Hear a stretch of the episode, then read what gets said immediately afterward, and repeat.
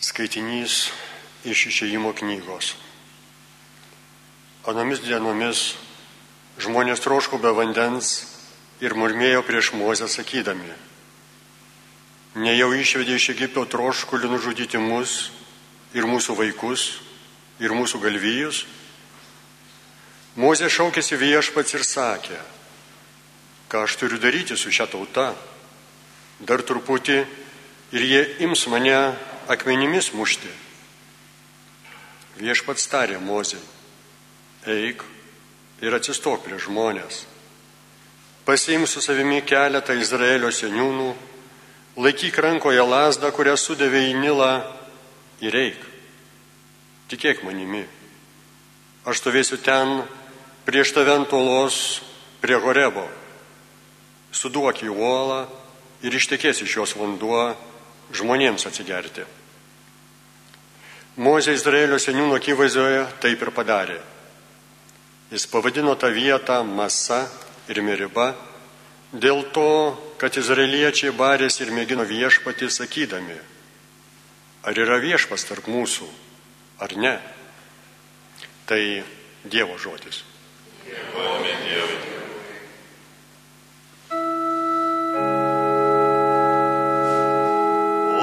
Išgirstumėt šiandien, ką viešpats byloja.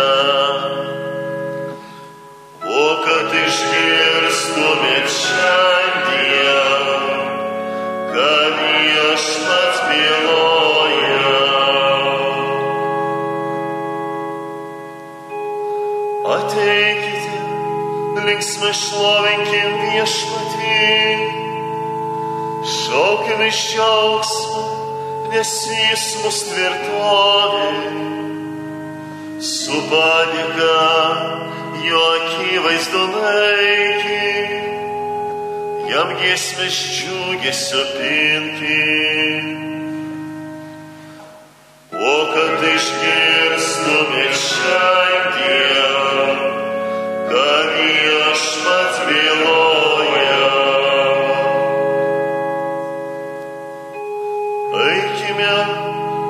pulkime žemę prieš Dievą, prieš viešpatį klaukį, kuris mūsų tvėrė. Jis mūsų Dievas, o mes jo ganoma liaudis, jo rankų globojamos avys. O kad išgirstumėt šiandien,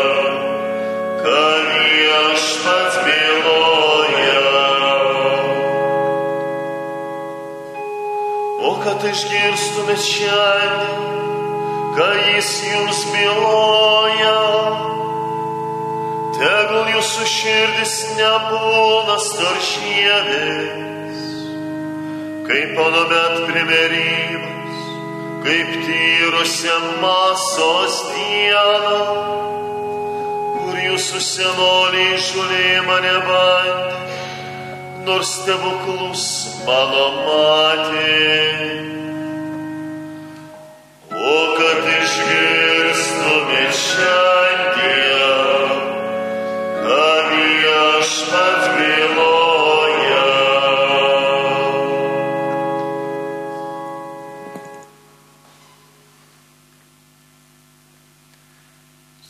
Skaitinys iš Šventojo Paštalo Pauliaus laiško romiečiams.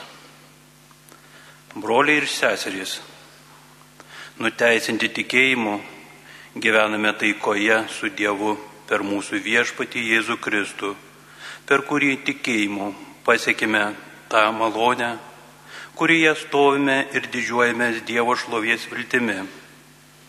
O viltis neapgauna, nes Dievo meilė yra išlieta mūsų širdise šventosios dvasios, kuri mums duota. Mums dar tebesant silpniems, Kristus skirtų metu numirė už bedievius. Vargu ar kas sutiktų mirti už teisųjį, nebent kas ryštusi numirti už geradarį. O Dievas mums parodė savo meilę tuo, kad Kristus numirė už mus, kai tebe buvome nusidėliai. Tai Dievo žodis. Šlovė tau Kristau, amžinosios garbės karaliau. Šlovė tau Kristau, amžinosios garbės karaliau.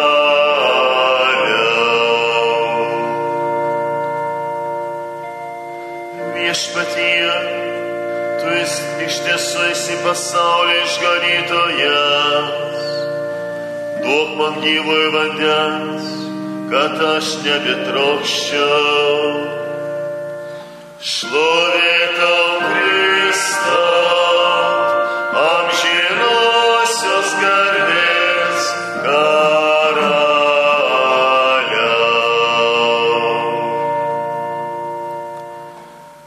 Viešpat su jumis. Su tavimi Iš Ventosios Evangelijos pagal Joną. garbė tau viešpatie. Anuo metu Jėzus užsuko į Samarijos miestą vadinamą Sicharu, netoli nuo lauko, kurį Jokūbas buvo davęs savo sūnui Juozapui. Tenai buvo Jokūbo šulinys. Nuvargęs iš kelionės Jėzus prisėdo palei šulinį. Buvo apie šeštą valandą. Viena samarietė moteris atėjo semtis vandens. Jėzus ją paprašė, duok man gerti. Tuo metu mokiniai buvo nuėję į miestą nusipirkti maisto. Samarietė atsakė, kaipgi tu, būdamas žydas, prašai mane samarietę gerti. Mat žydai nebendrauja su samariečiais. Jėzus jai tarė, jei tu pažintum Dievo dovaną ir kas yra tas, kuris tave prašo, duok man gerti, rasi pati būtum jį prašiusi ir jis tau būtų gyvojo vandens davęs. Moteris atsiliepė viešpatie, bet juk tu neturi kuo pasemti, o šulinys gilus. Iš kur tu imsi gyvojo vandens? Argi tu didesnis už mūsų tėvą Jokūbą, kuris tą šulinį mums paliko ir pats iš jo gėrė, ir jo vaikai, ir gyvuliai? Jėzus atsakė, kiekvienas, kas geria šitą vandenį ir vėl trokš. O kas gers vandenį, kurį aš duosiu, tas nebetrokš per amžius ir vanduo, kurį jam duosiu, taps jame versme vandens, trykštančio į amžiną į gyvenimą. Tuomet moteris sušuko, viešpatie, duok man to vandens, kad aš nebetrokščiau ir nebevaikščiočiau semtis čionai.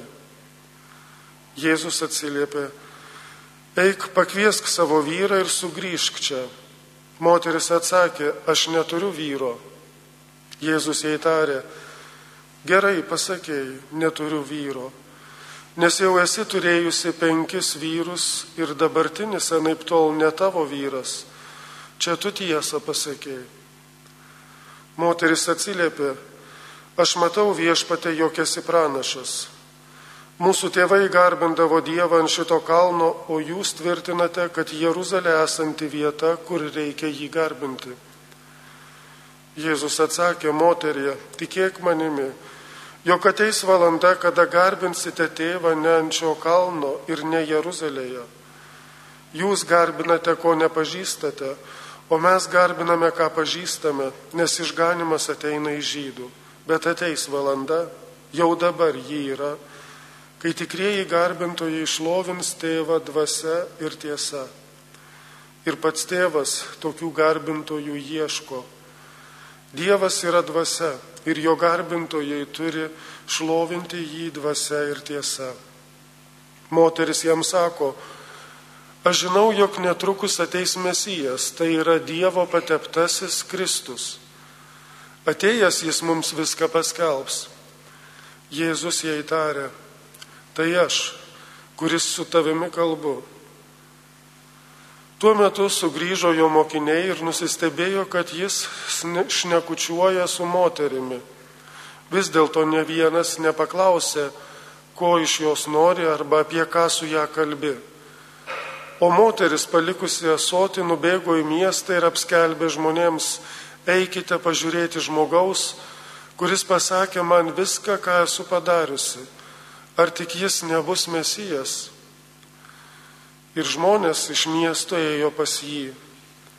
Tuo tarpu mokiniai ėmė raginti, rabi, pasistiprink, o jis atsiliepė, aš turiu valgyti maisto, kurio jūs nežinote.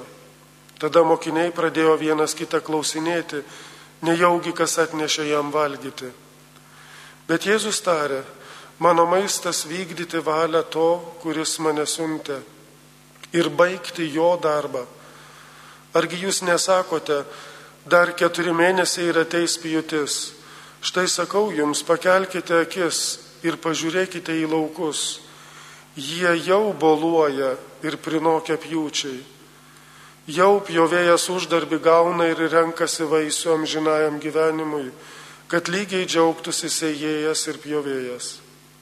Teisingai priežodį sako, vienas pasėja, kitas nupjauna. Aš pasiunčiau jūs nuimti derliaus, į kurį jūs neįdėjote darbo, kiti pasidarbavo, o jūs įstojote į jų darbą. Daug samariečių iš ano miesto įtikėjo Jėzų dėl moters liūdėjimo. Jis man pasakė viską, ką esu padariusi. Atėję samariečiai prašė jį pasilikti pas juos ir jis ten pasiliko dvi dienas. Dar daugiau žmonių įtikėjo dėl jo pamokslų, o moteriai jie pasakė, dabar mes tikime ne dėl tavo šnekos, mes patys išgirdome ir žinome, kad jis iš tiesų yra pasaulio išganytojas. Tai viešpatie žodis. Evangelijos žodžiai panaitina mūsų klaidas.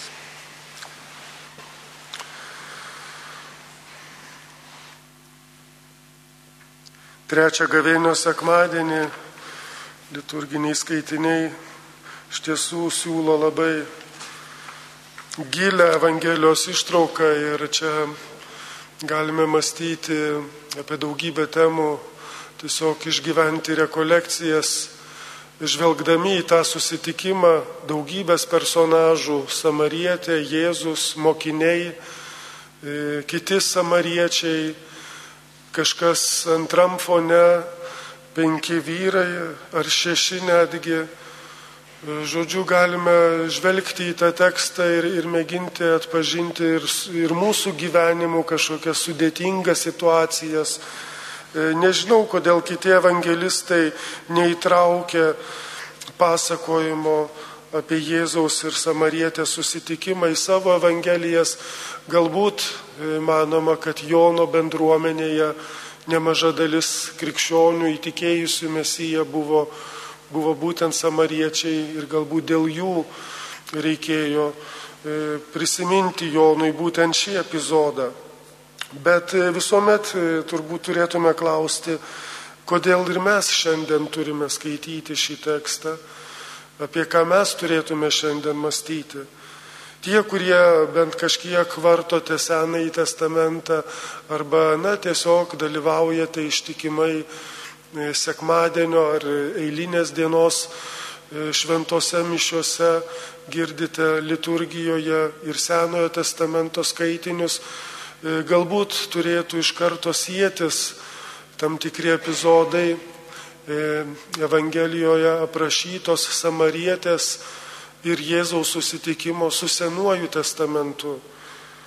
Izaokas su Rebeka susitinka prie šulinio, Moze su Cipora susitinka prie šulinio, Jokūbas su Rachelė irgi susitinka prie šulinio tokia klasikinė e, scena.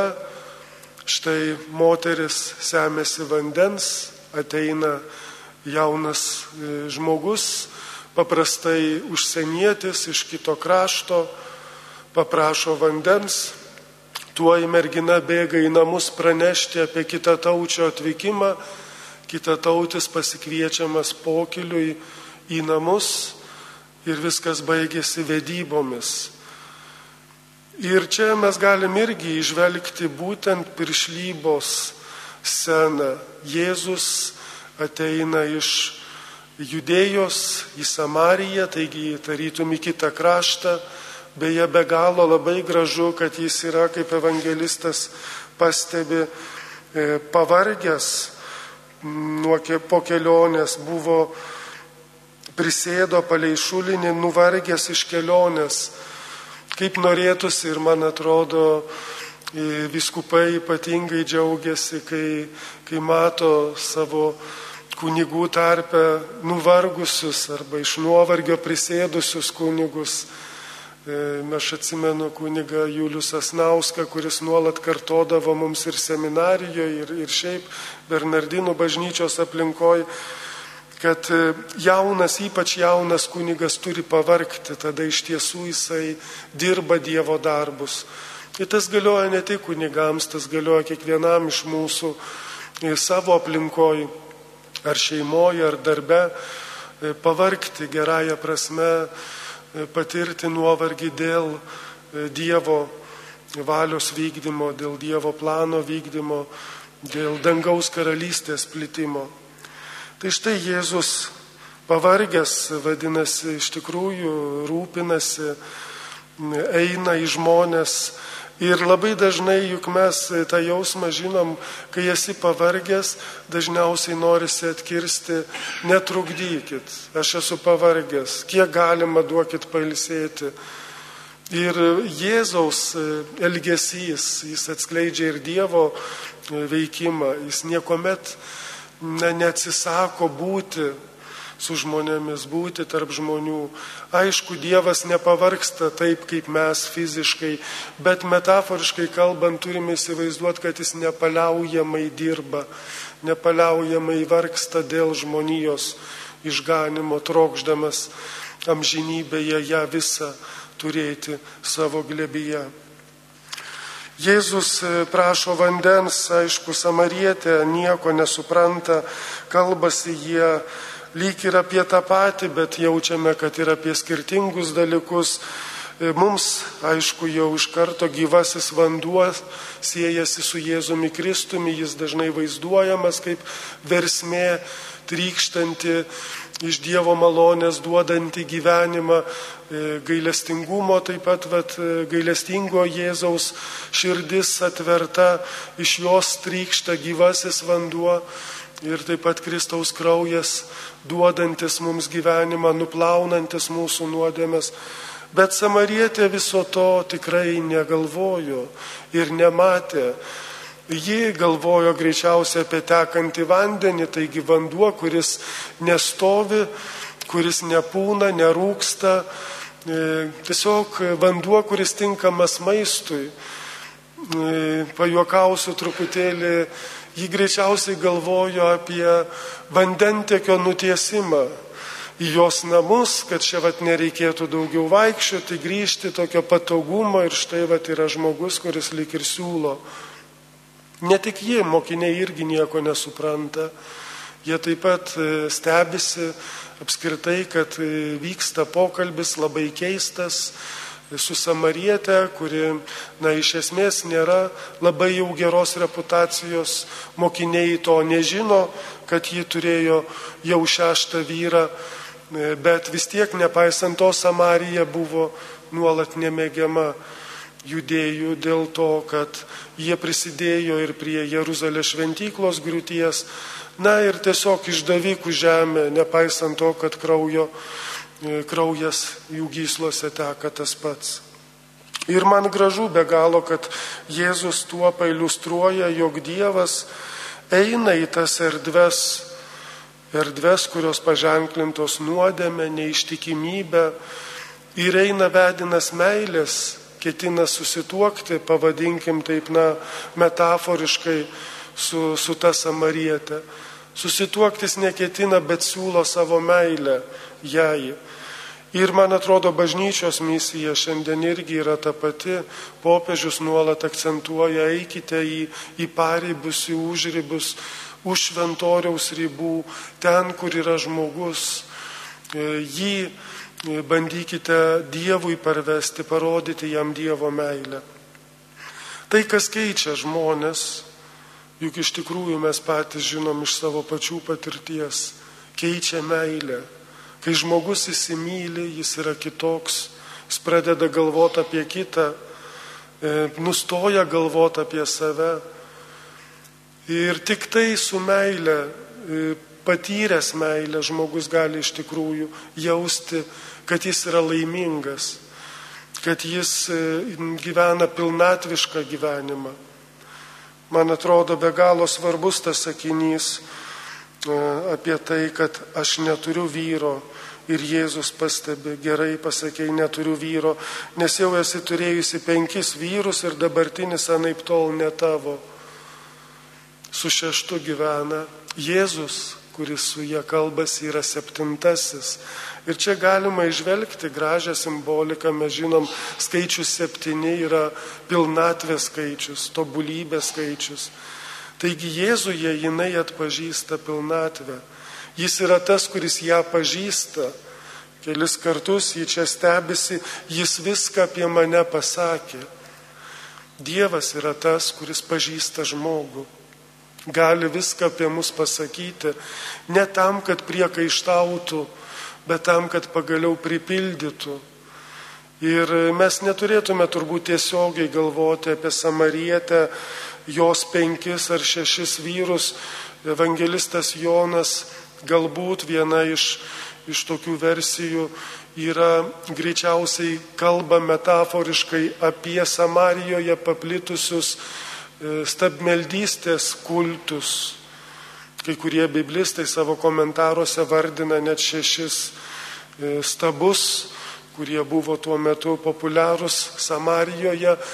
Ir tuomet e, šitame fone parodyti, jog Jėzus yra tikrasis Dievas, tas, kuris kalbasi, tas, kuris pažįsta, tas, kuris atjaučia, tas, kuris gali pripildyti žmogaus gyvenimą, ko nepadarys joks stabas.